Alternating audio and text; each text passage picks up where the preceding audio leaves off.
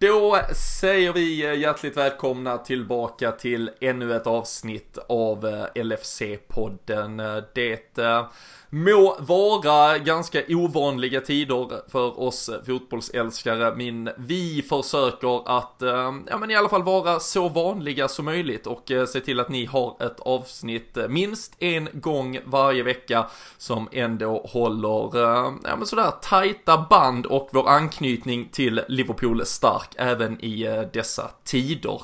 Vi eh, hoppas såklart också att ni är medlemmar i den officiella supporterklubben. Vi hoppas att ni frekvent håller er ajour med allt nytt. Det är ju mycket nyheter fram och tillbaka. Man får väl sortera lite i träsket. Men eh, LFC.se är kanske ändå den svenska sajt som gör det bäst. Det är alltid där ni nås av officiella saker direkt och eh, den där grovsorteringen av eh, massa märkliga rykten görs såklart också så man kanske slipper ehm, antingen skena iväg i eh, drömmar eller att man slipper eh, läsa de allra märkligaste sakerna. Så LFC.se är en trygg famn i dessa tider. Ehm, dessutom så har ju supporterklubben nu dragit igång en ehm, insamling för eh, att ja, samla in pengar, skänka till de som eh, gör allra störst nytta och jobbar i frontlinjen av den eh, tuffa situation vi just nu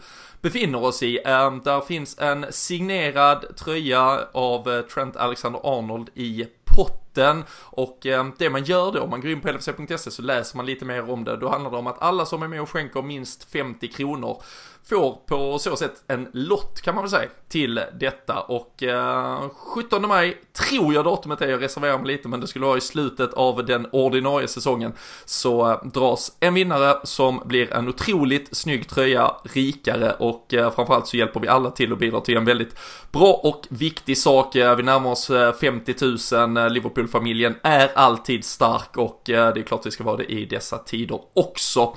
Så lfc.se, det är där ni håller er uppdaterade, var med i den röda familjen där. Nu ska jag få sällskap här för att känna mig extra trygg och få njuta lite extra. Danne Forsell och Kalle Sundqvist är på väg in.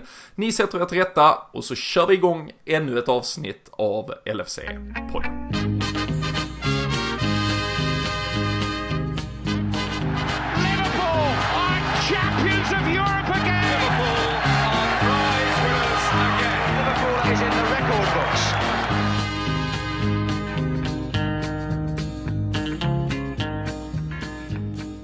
Jajamensan, eh, det eh, börjar bli ens eh, stabila punkt i denna otroligt märkliga tillvaro, Daniel Forsell. Vi har suttit här ett par veckor nu och dessutom så har vi ju våra måndags-live på Facebook. Det det är fan viktigt att ha det här så man inte helt gräver ner sig.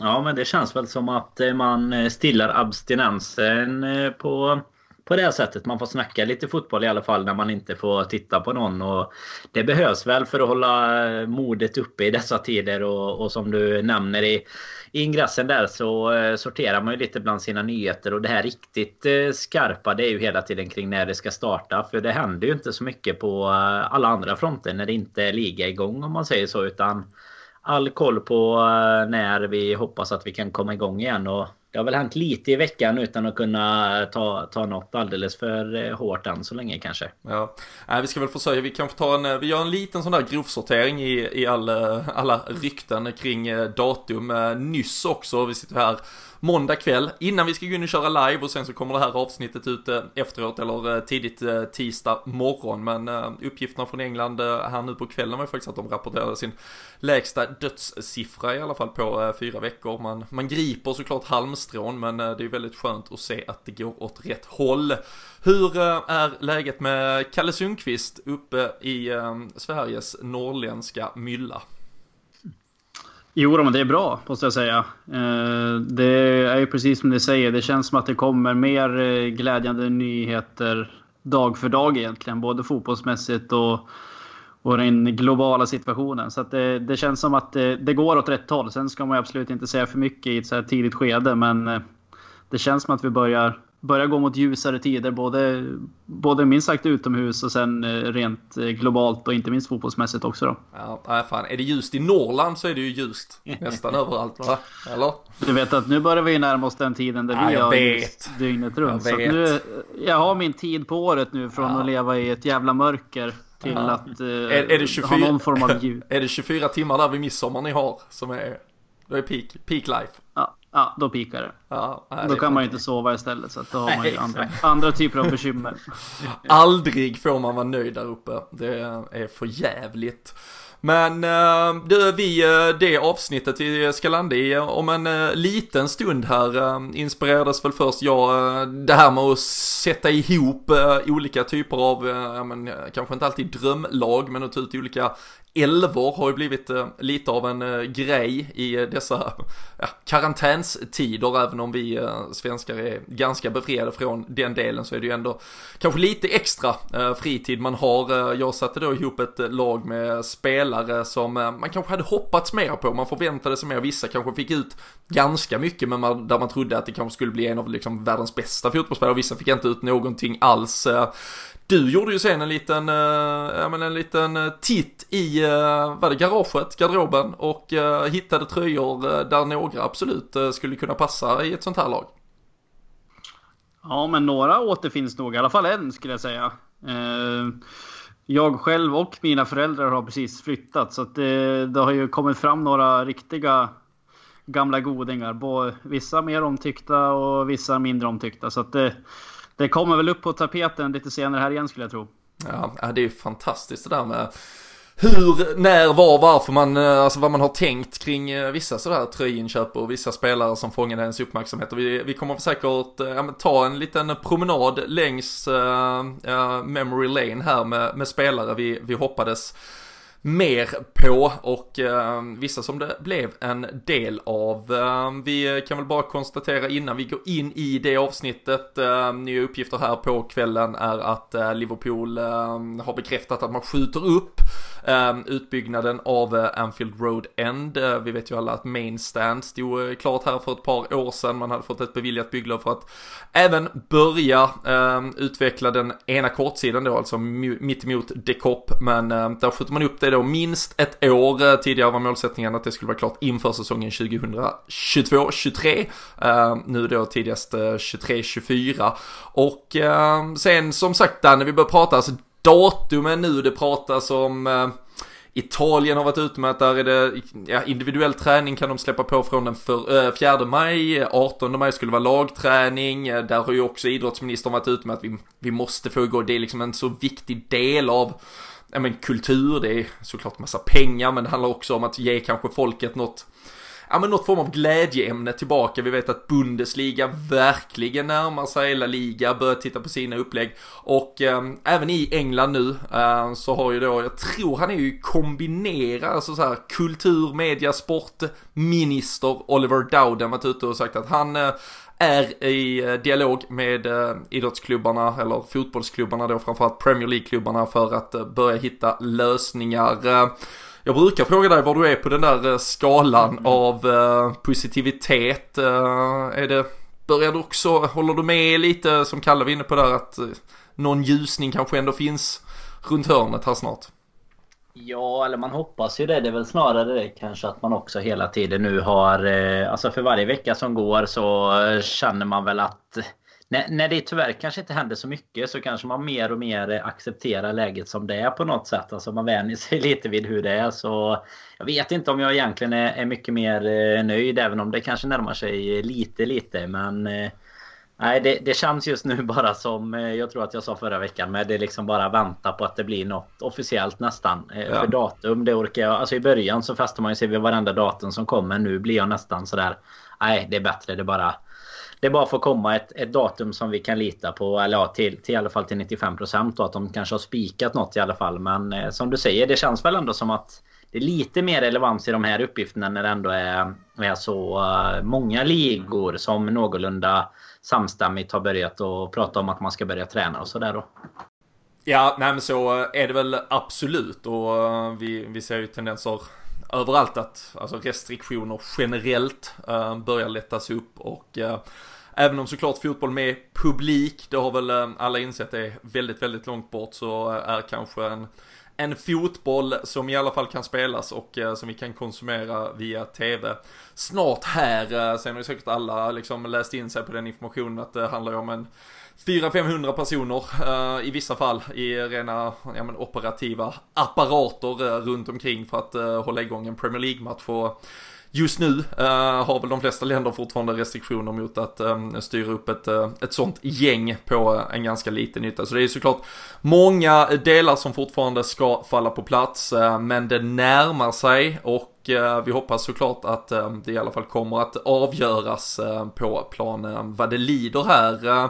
Fifa har också gått ut, Kalle, med att ehm, en lösning, eller i alla fall en hjälp här på vägen med tanke på att det kan bli svårt för att för klubbarna att få igång en försäsong som det indirekt handlar om mitt i detta. Eh, introducera fem byten eh, som en del för att hjälpa klubbarna. Eh, känns det som en så pass liten sak så att, ja men bara släng på den för att, eh, eller skulle du tycka att det är något som ja, plötsligt förändrar eh, lite förutsättningar för någon i toppen, botten, kanske även om vi vet att vi har ett väldigt stort försprång så kanske inte är det som kommer direkt avgöras på mållinjen här de närmsta veckorna.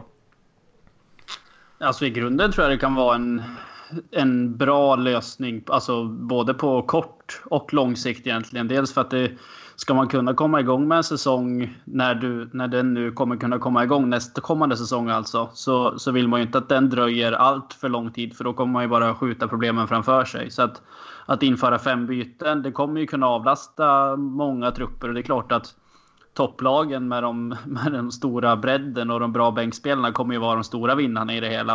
Eh, sen, alltså man har ju sett många gånger egentligen, det tar inte jättelång tid in på en säsong innan innan lag som har haft liksom, tätt matchande på sina landslagsspelare under en sommar till exempel börjar gå på knäna. Så att jag tror absolut att om, om man liksom ska försöka utesluta någon form av lång och liksom eh, global försäsong som vi är van vid att se så tror jag nog att det kan vara en ganska bra både kort och långsiktig lösning egentligen. Mm.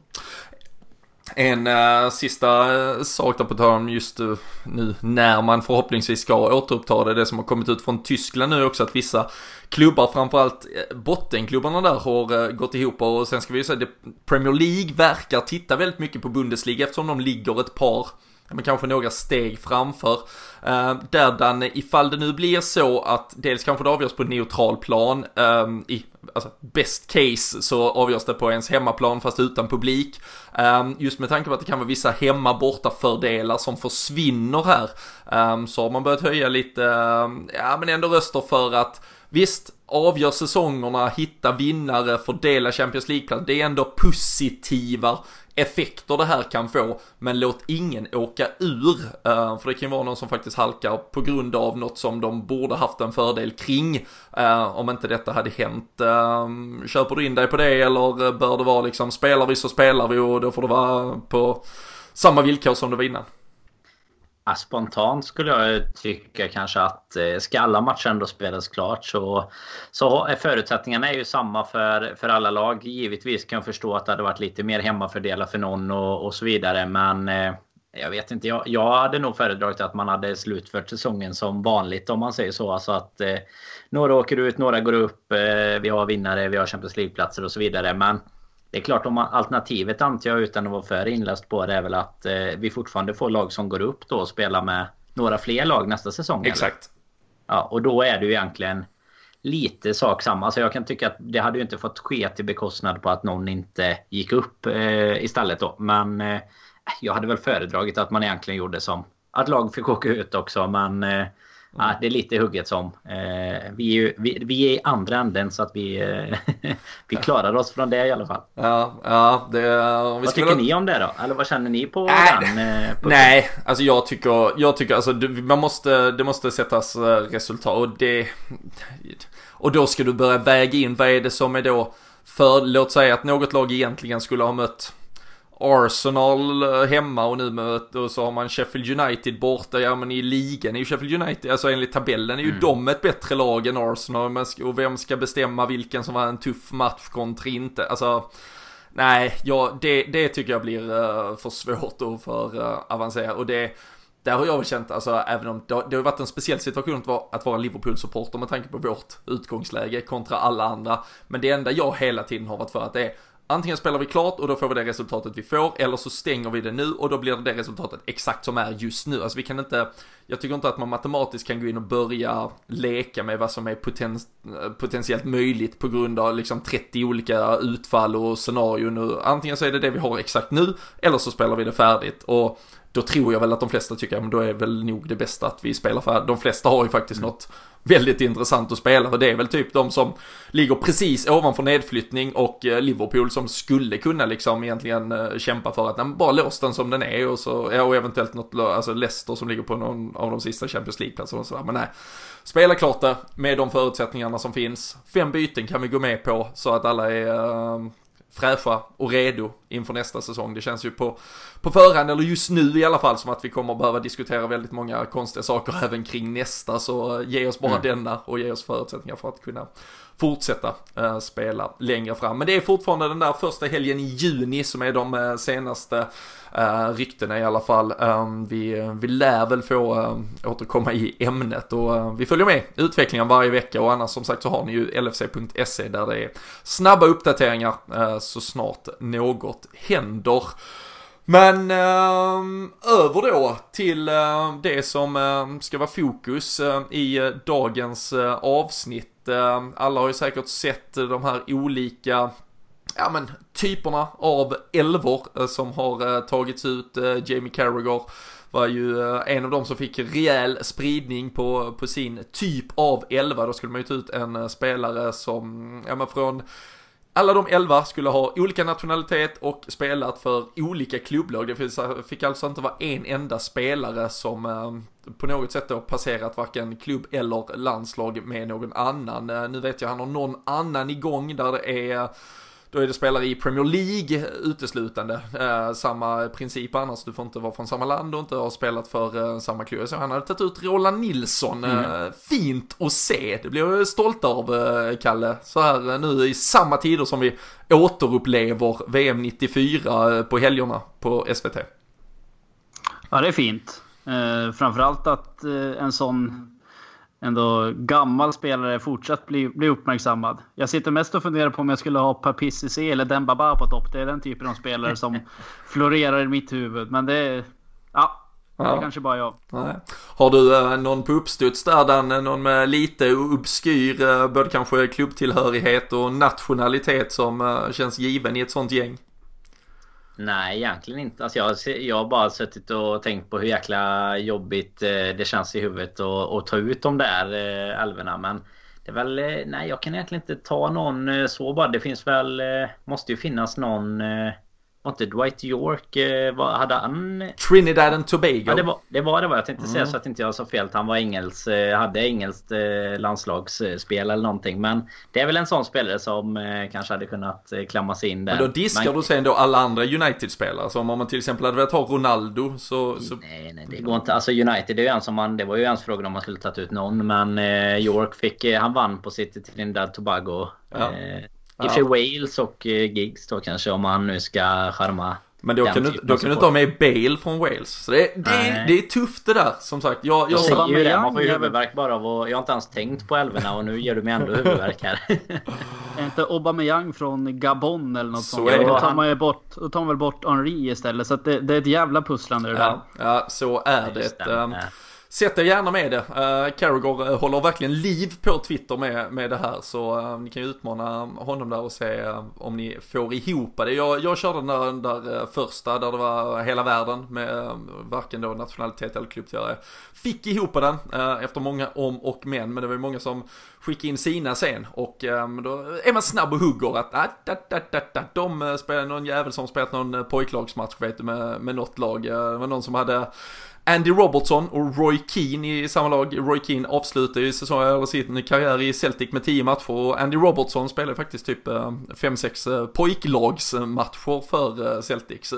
det är inte lätt. Det är många som har passerat varandra på, på olika ställen, även om det inte har varit samtidigt. Eh, men en spelare som faktiskt kanske hade kunnat vara aktuell förut, så även om det då diskvalificerar alla andra Liverpool-spelare, men om vi i alla fall pratar lite mer okända nationaliteter och tar oss då vidare till den, det lag vi ska ta ut, eh, då eh, finns det ju en spelare som dök upp i den där tröjsamlingen uppe hos dig, Kalle, för Även om Senegal har uh, fostrat en hel del bra fotbollsspelare så är väl kanske ändå den i modern tid eh, uh, största El Hadji Diouf. Men hans karriär i Liverpool var ju allt annat än en succé och uh, vi ska prata om just spelare vi hoppades mer på som det inte blev så mycket av och han måste ju varit en för dig när den där tröjan inhandlades.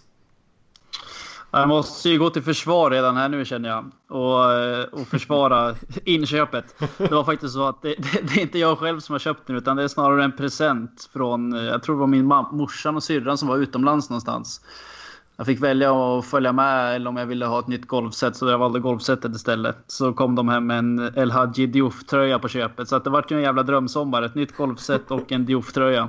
Det är ju ändå, säger ju ändå någonting mer kan jag tycka om Diouf. Att eh, till och med din morsa köper en Diouf-tröja. Alltså inte bara att man själv hade gjort det som ändå eh, var lite intresserad av fotboll. Men eh, när till och med Diouf har blivit så stor att föräldrarna går och köper den istället för någon annan obskyr spelare så så är det väl som du säger Robin, förutom med våran eh, andra senegales som vi har nu för tiden så, så är han väl den mest upphåsade i alla mm. fall eh, i, då när Senegal kom fram där i 02 VM där. Ja, det, det ska ju såklart sägas att uh, vi har en, uh, en lite bättre variant av uh, ytterforward. Uh, känns framförallt kanske som en uh, lite bättre människa. om man Han hade inte ens han hade alltså inte ens tagits in som senegalesisk Liverpool-spelare i ett sånt drömlag idag ju. Han, är ju han är ju efter Salif Diao på den också. Ja, dessutom. Ja, han har det inte lätt. Men äh, jag, jag gjorde ju äh, grovarbetet äh, här för ett par dagar sedan och äh, satte ihop en äh, elva då av spelare som jag på något sätt äh, under min tid som Liverpool-supporter och jag satte väl brytpunkt ungefär 2000 för att inte fastna i allt för eh, många spelare. Det finns väldigt många som har kommit passerat revy även om man hade hoppats på väldigt mycket mer. Och eh, tänker väl att eh, vi tar uh, elvan lite ja, men från målvakt, tar oss fram till det där anfallet som kanske kommer ledas av El Hadji Diouf. Jag vet att ni har massvis med bubblare och så försöker vi väl kanske peta lite i det och så landar vi i LFC-poddens egen elva då av eh, spelare som vi hade hoppats eh, lite mer på. Och Ehm, i mål, eh, som jag tyckte var en eh, ganska svår position, även om det finns ett par vi absolut har blivit besvikna på, eh, så har ju jag hela tiden i den här elvan då i alla fall vägt in eh, förväntningar och förhoppningar på förhand. Och eh, det fick mig att plocka ut Simon Mignolet, som ehm, jag ändå tyckte när han kom från Sandland var en jävla dundervärvning. Han eh, hade gjort det riktigt, riktigt bra i eh, Premier League, liksom en eh, shotstopper utan dess like. Eh, satt dessutom eh, och såg eh, premiären han gör på på Anfield uh, plockar ju Jonathan Walters straff. Uh, där och då känns det ju som att uh, han kanske pikar i sin Liverpool-karriär och sen så är det ett par år där det bara går ut för vi vet ju hur såklart nära Liverpool var titeln 13-14. Vi ska inte påminna någon om vilken årsdag det är idag, på tal om det. Men eh, det var ju inte direkt försvaret som tog oss eh, ditan, utan där var det ju en viss eh, Luis Suarez som eh, ledde styrkorna. Har du något eh, annat bud på målvakt, eller kan du hålla med om att Simon Mignolet inte riktigt levde upp till hypen där trots allt fanns kring honom?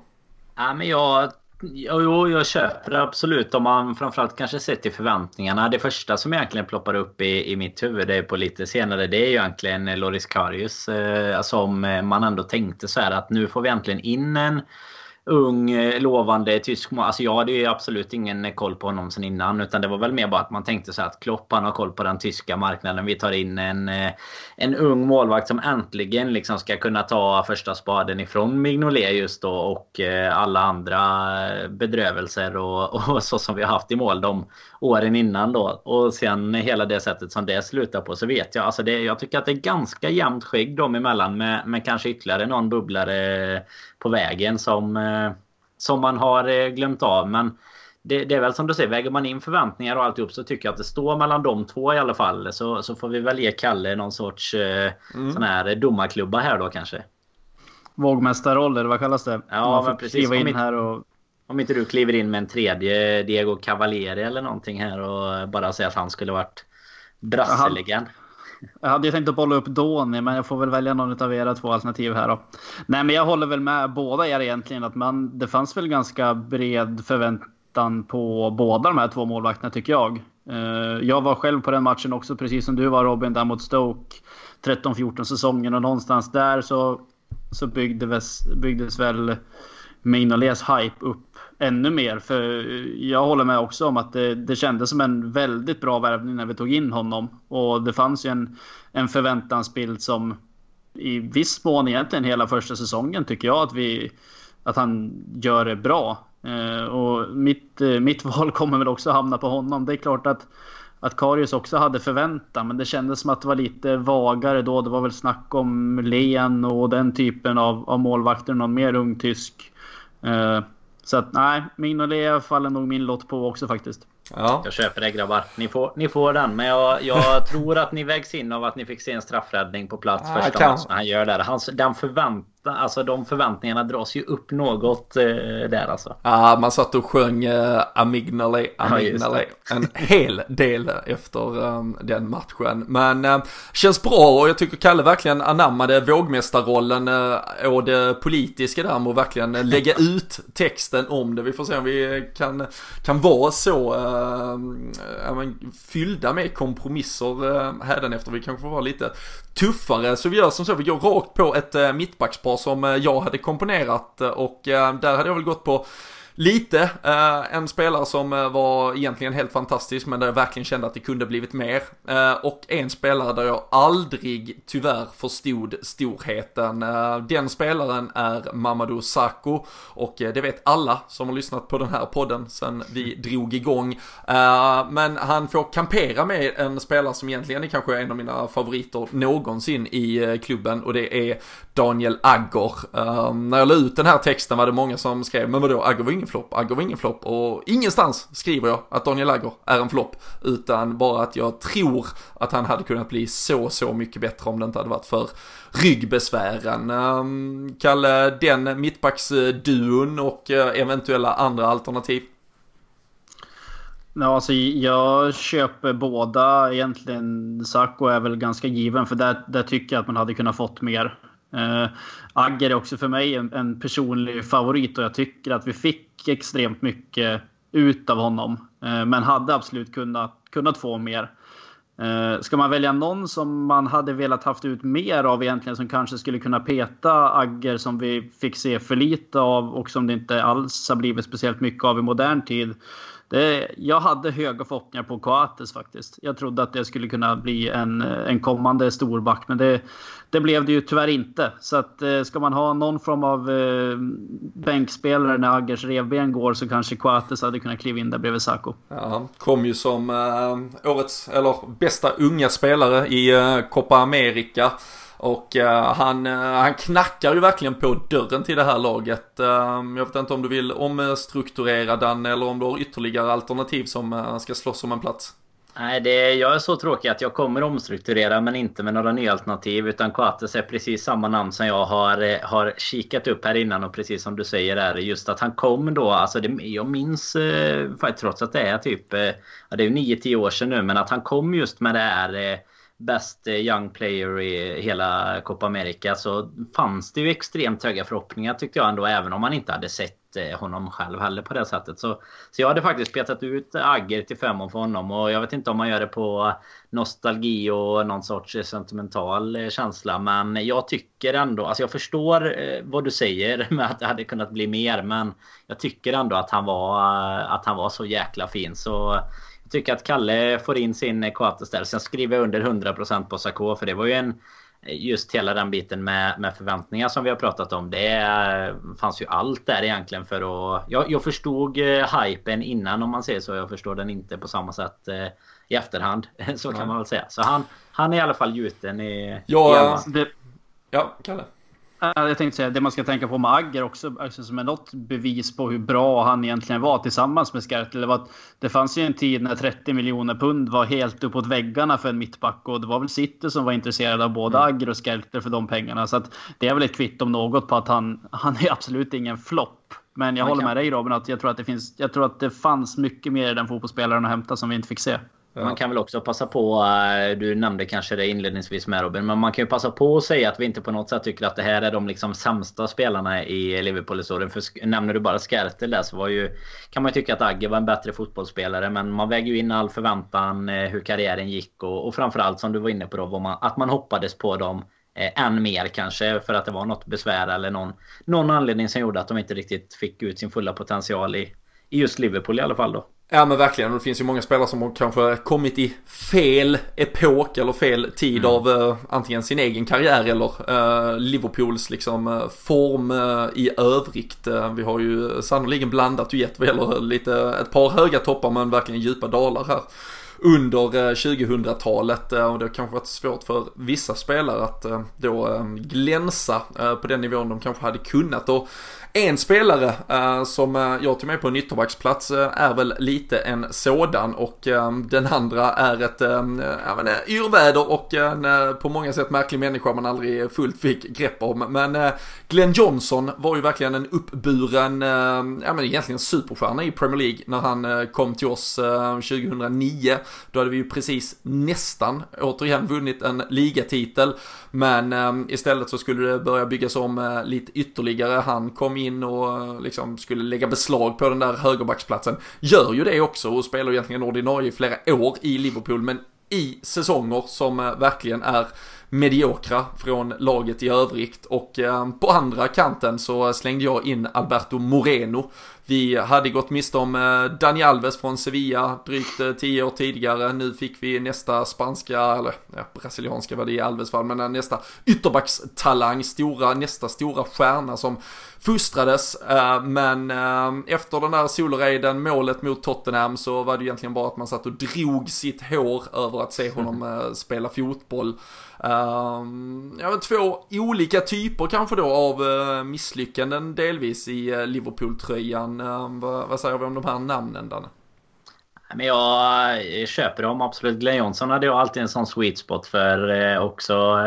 Tyckte att det var en jäkla härlig fotbollsspelare i sina bästa stunder. Och jag har väl tagit fram lite bubblare men, men sett till förväntan och sånt så kan jag ändå köpa båda dina alternativ. Alltså enda som är på vänsterbacken som man man kan ha som en liten bubblare. Det är väl Dosena som liksom hade en vecka i livet som, du hade som fungerade. inte förväntningar på Dosena. Nej men det är väl det man inte hade antagligen. Alltså jag, vissa av de här kommer man ju knappt i, ihåg vad man tänkte när vi värvade. Men antagligen så har jag varken haft det på honom eller på de andra som jag hade på andra kanten då som jag bara tog fram för att ha lite alternativ. Det var egentligen Kromkamp och Degen. Men jag menar det är ju billiga värvningar. Degen kom ju gratis och det fanns ju noll förväntan och noll leverans i slutändan också. Så jag vet inte om man ska om man ska få in det i, i något sånt här att man hade hoppats mer på dem. För man eh, hoppades ju inte eh, kanske efter den veckan som Dosena gjorde. Då hade man ju förväntningar däremot. Det kan man ju säga det med Real Madrid och United målen då. Så det är mm. väl hans eh, han som kanske får utmana lite. Men annars tycker jag att du sett till de trupperna. Jag gick ju också tillbaks till eh,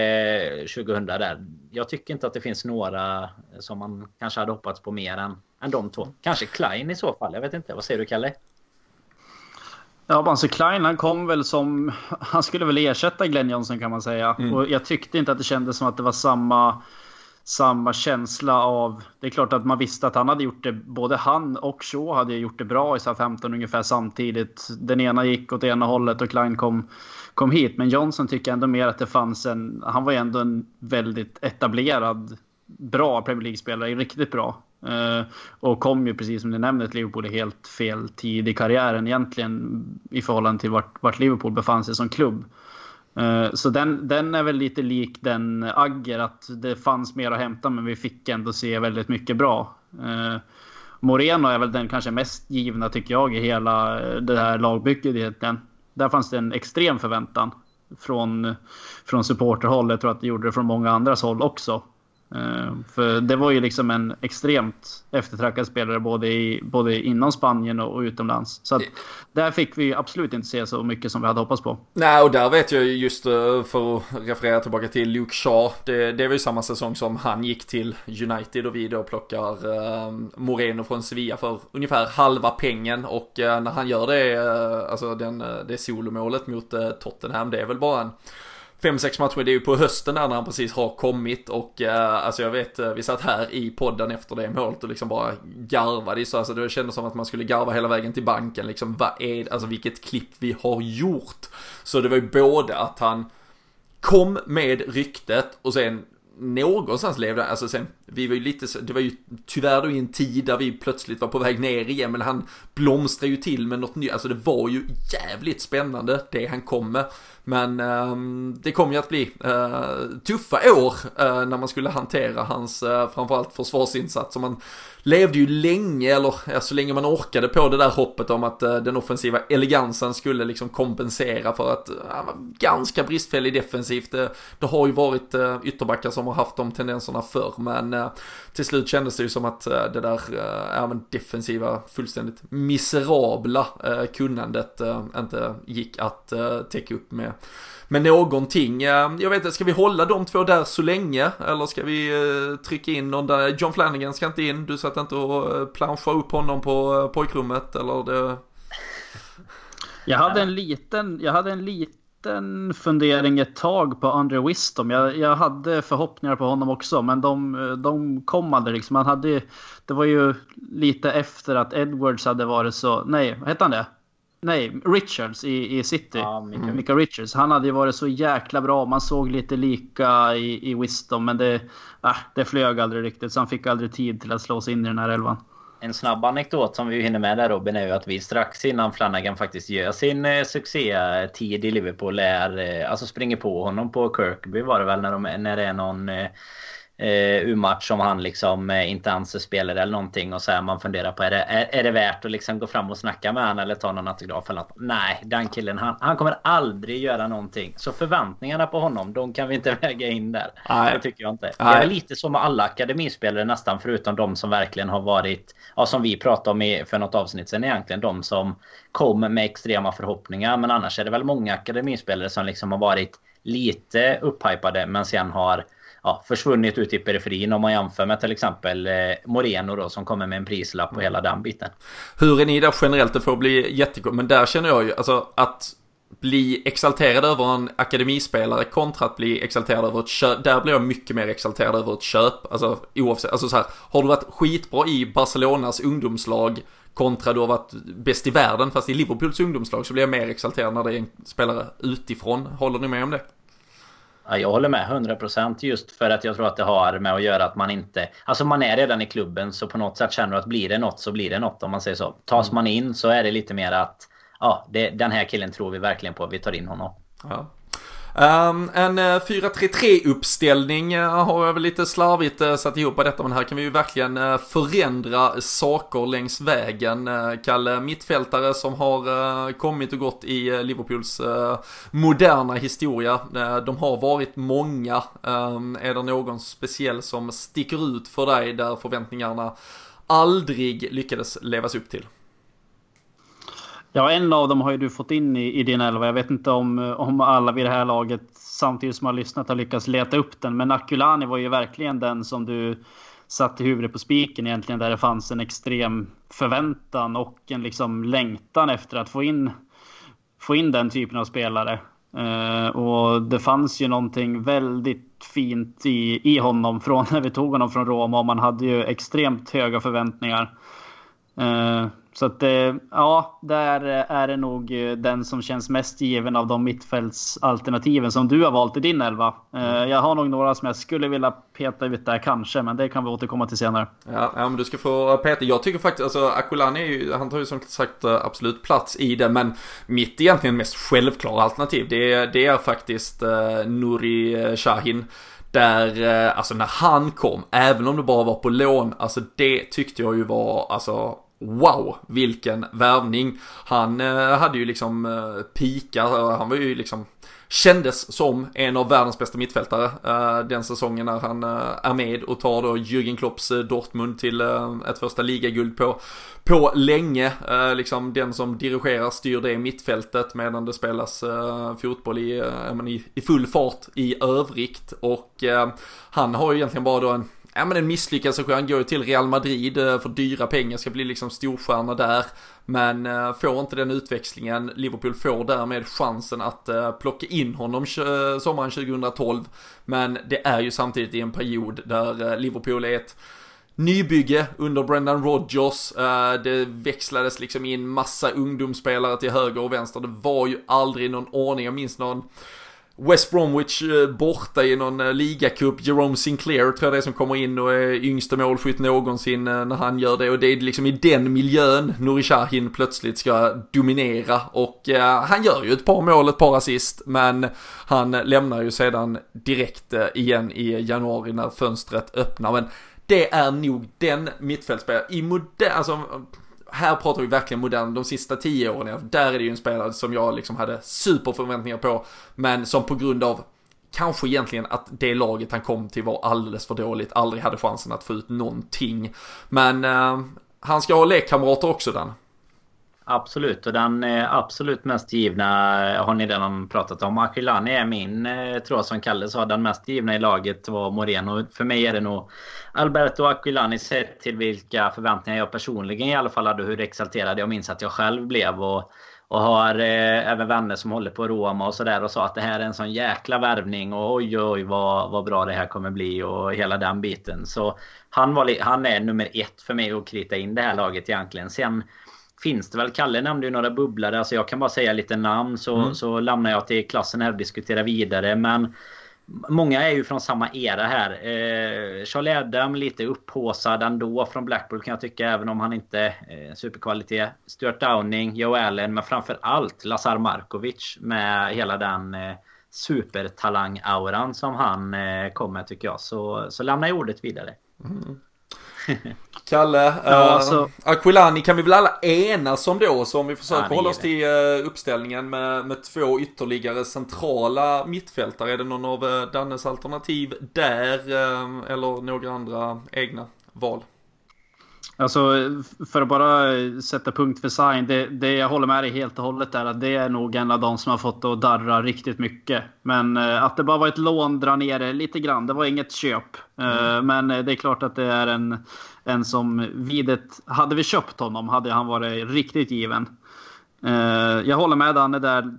Jag hade en liten bubblare på Allen också. Jag trodde att det skulle kunna bli mer än vart han plockade av Rodgers i hela den eran. Vi skulle börja bygga någonting nytt stod där bredvid Rodgers the Welsh Xavi och såg ut som ett litet barn och man skulle se honom blomma ut. Men det, det, vi fick se ganska mycket, men inte så mycket som jag hade hoppats på. Men, men ni, Sen, vet, eh, ni, ni, vet ju var det faller på Joe Allen. Varför det inte blir karriären. Det är ju för att Ian Air inte får ge han tröja 69 som han försöker göra i Being Liverpool. Exakt så. Innan han drar iväg på sin motorcykel nere vid Liverpool. Ja, och sätter Robbie Fowler ja. på axlarna. Eller tvärtom. Helt, Ja. Helt otroligt. Nej, men eh, ja, Adam tycker jag, nej, han, kunde, han slog eh, några bra hörnor i Blackpool. Mer än så tycker jag inte att det var för att vi skulle kunna bli så exalterad. Men Markovic, om man ska snacka förväntningar och vad man trodde att det skulle kunna bli, för det var ju verkligen en prestigevärvning.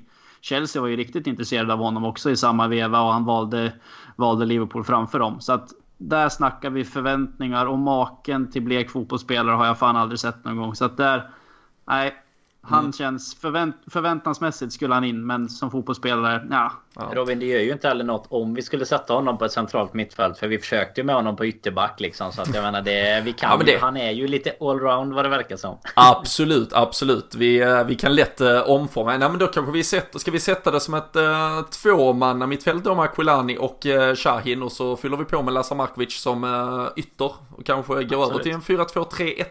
Eller vad nu våra övriga offensiva pjäser kan ge oss. Jag bollar ju upp Nabi Keita som ett alternativ. Um, och såklart inte för att ta något ifrån vad han har presterat, även om jag tror många håller med mig om att man förväntade sig mer. Men Tittar man där på prislappen, hur bra han var säsongen, framförallt när vi värvar honom, sen är han ju kvar en säsong i Leipzig och där känns det ju som att han kanske går åt ett håll medan vi går åt ett annat. Så när han väl kommer så är ju liksom Gino Wijnaldum, Jordan Henderson plötsligt ja, men Champions League-finalister och eh, spelare som liksom verkligen leder eh, vårt mittfält framåt. Eh, har blivit en clash på många sätt och vis. Förstår om man inte håller med att det på något sätt är en flopp och det är inte det jag vill säga. Men han kvalar ändå in i en trupp tycker jag på spelare där man trodde nog att det skulle bli ännu mer.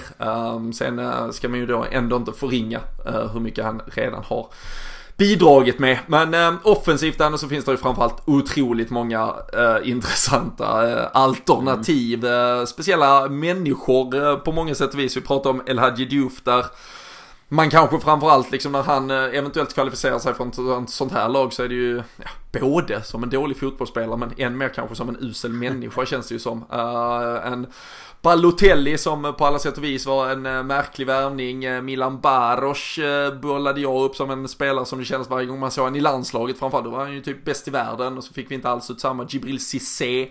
Lite samma tendenser. Vi har ju såklart en Andy Carroll i ännu mer med modern tid och Christian Benteke, eh, mm. för att bara prata ett par år tillbaka. Ehm, om vi nu ändå har petat in Lazar Markovic där, vad har du för namn som eh, framförallt får dig att fundera hur fan det kunde bli som det blev?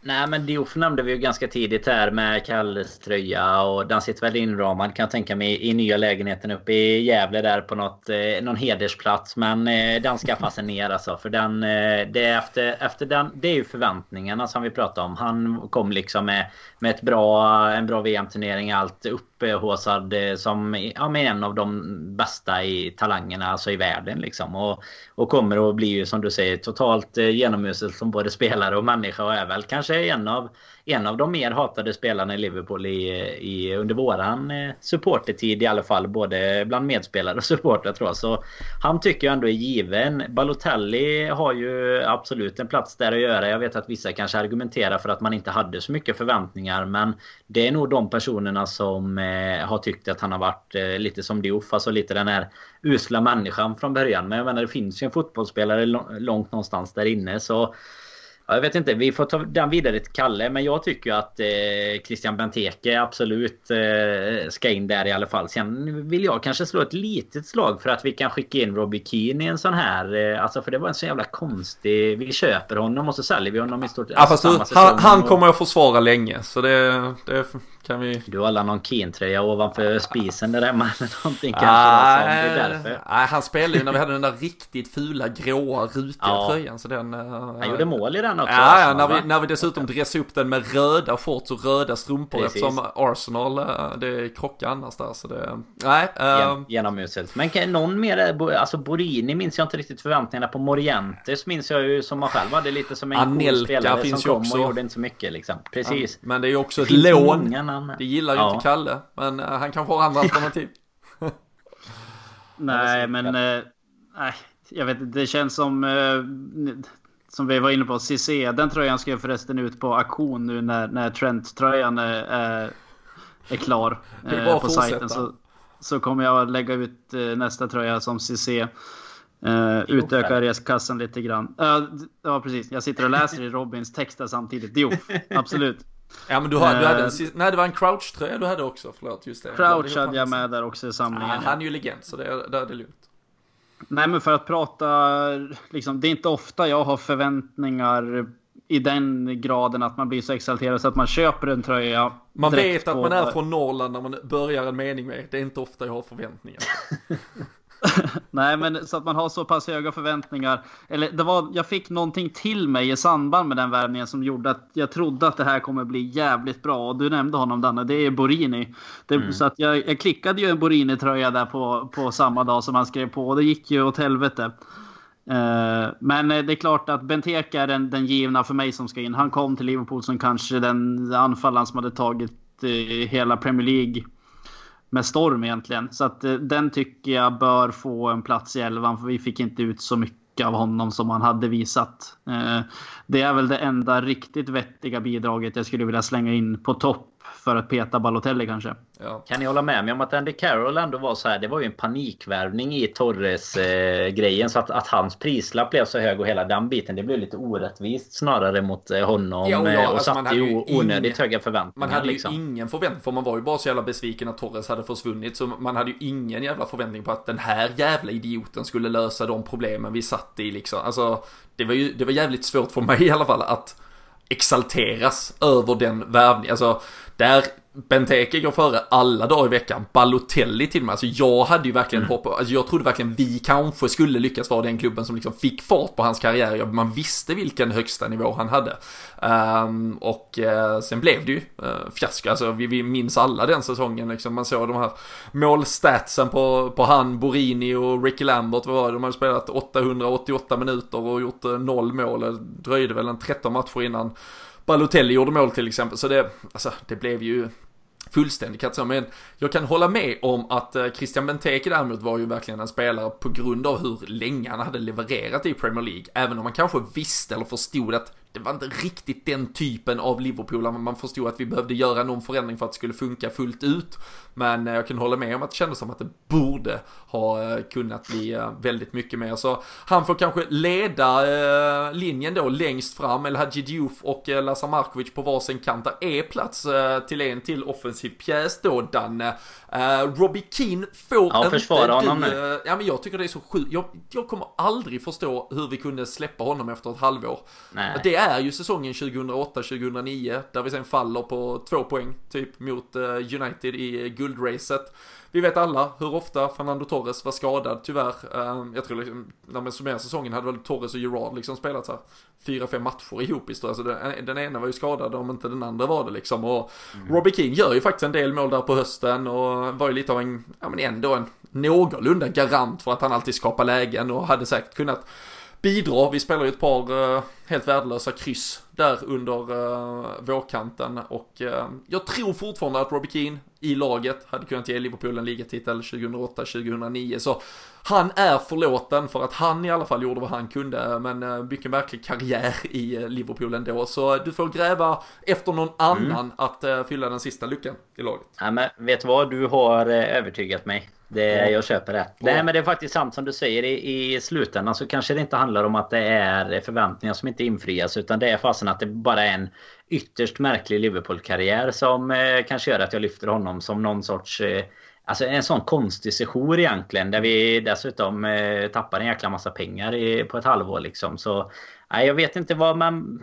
Sätter vi in Alltså få, vissa kommer inte gilla om vi sätter in en, en eh, Balotelli till exempel eh, och sådär. Men jag vet inte. Alltså det kanske, kanske behöver omskola någon av de här anfallarna till, eh, till en nummer 10. Det blir svårt att spela med en anfallare bara när det finns så många känns det som. Och Borini är ju Kalle inne på där också. Jag vet inte. Det, jag hade nog ändå satt Balotelli Aspas, framför Borini. Luis Alberto. Jag tänkte också jag tänkte bolla upp Aspas lite grann som en... Men hade man förväntningar på honom? Nej, Nej jag, jag vet inte om man hade det, men det, det kändes som att det... Med facit i hand hade det ju kunnat bli bättre känner man. Ja, jag hade ju bättre förväntningar på hörnorna i alla fall eh, än, vad han, än vad han lyckades bevisa. Men eh, det är ju snarare att man, man blev nästan besviken när han väl kom in. Alltså, man hade kanske inte så mycket förväntningar men man insåg att man i alla fall hoppades att han skulle kunna göra någonting och sen så har det ju ändå både för honom och till exempel Luis Alberto så har det gått lite bättre efteråt i karriären så att det fanns ju det givetvis något där. Ja, en, till som det, en till som det har gått bättre för i slutet på karriären eller senare i karriären. Suso hade jag också ganska eh, höga förväntningar på om det är någon mm. form av offensiv konstellation vi ska försöka bygga ihop. Jag tror att jag var där på den matchen då han hoppade in och gjorde debut mot United hemma. Mm. Eh, Efter då... att Shelby hade tagit rött kort i första. Precis. Vi lyfte Shelby honom ganska mycket där. I, ja, jag... Vi lyfte honom mycket i det här ungdomsavsnittet. Så frågan är om han ska... Fasen, det blir jävligt taskigt mot honom att sätta honom i två. Jag är lite som... Eh, vad heter han? Tommy Söderberg. Han har ju tydligen gått ner sig på scen. Ja, precis. Han har ju tydligen gått ner sig lite på senare tid också för bland de som förstår sig på italiensk fotboll. Ja, utlånad ja. till Sevilla nu. Alltså cirkelslutning med Alberto Moreno nästan. uh, om än på lite olika håll. Men uh, fan, spela i hålet där mellan uh, Diouf Markovic och Christian Benteke gör man ju inte gärna. Men uh, ska vi trycka dit Balotelli. Det är en Balotelli-raket som behövs där. Ja, kanske att vi trycker upp det. Spelar en 4-2-2 helt enkelt. Kalle, du får uh, ha uh, vågmästarroll igen. Vem, uh, vem får sista platsen i elva? Mario Balotelli.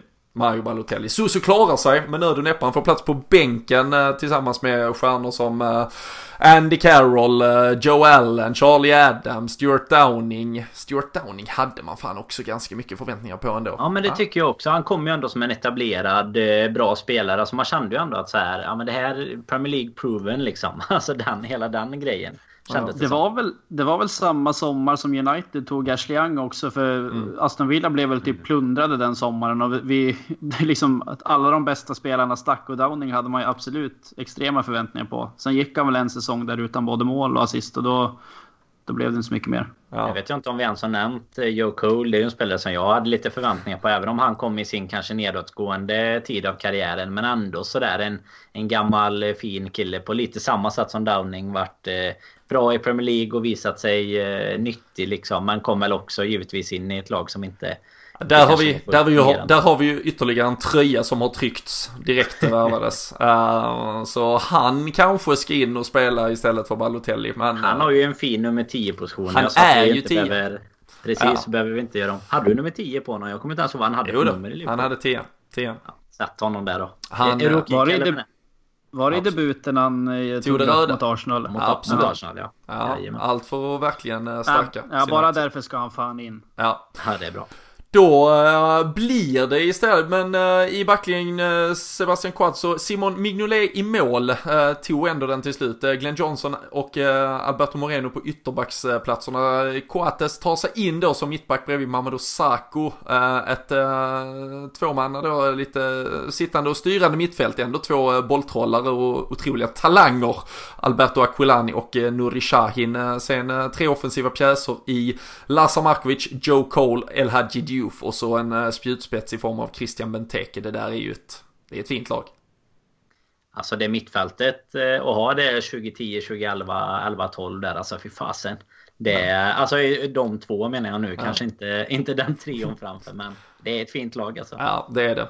Och de är såklart ledda av Roy Hodgson. Eller fanns det inga förhoppningar på honom? Nej, det är frågan om det fanns det va? det fanns inga...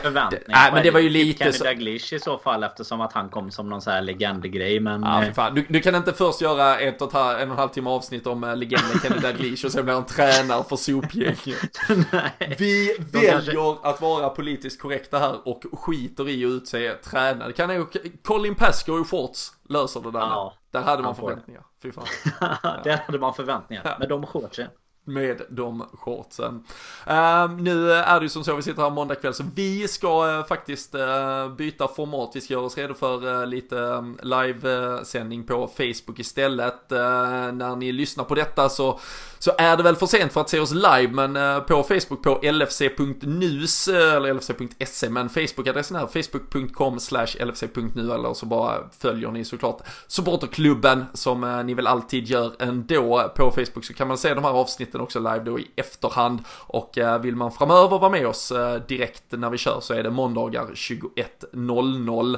Ehm, det här var ett avsnitt där vi tog ut eh, spelare vi hoppades mer på, fick ihop en 11 av det och ni får jättegärna ge er in i diskussionen på sociala medier, följ oss på Twitter, LFC-podden heter vi där och så kan ni väl själv bubbla upp med lite namn så fortsätter vi diskutera. Ehm, LFC.se kör som sagt utlottning av en Trent Alexander-Arnold tröja till till alla som donerar minst 50 kronor. Ni läser på hemsidan hur det funkar. Och eh, sen så har ni faktiskt eh, de här dagarna fram till den sista april också chansen att eh, lägga beslag på en vanlig matchtröja eh, via Samdods som har slängt in den i potten. Det är om man blir Patreon till eh, oss här på LFC-podden under de här sista dagarna av april. Ehm, då skänker vi vidare de pengarna också så det fylls på på eh, karmakontot vidare till eh, folk som gör mer nytta än oss så att säga i eh, frontlinjen av eh, denna pandemi. Men patreon.com slash LFC-podden är det som gäller då och så drar vi en vinnare av matchtröjan på fredag första maj. Uh, nu så uh, tackar vi för uh, oss, tackar för att ni har lyssnat. ta hand om er, tvätta händer, håll avstånd, gör allt sånt, sköt er så hörs vi snart igen.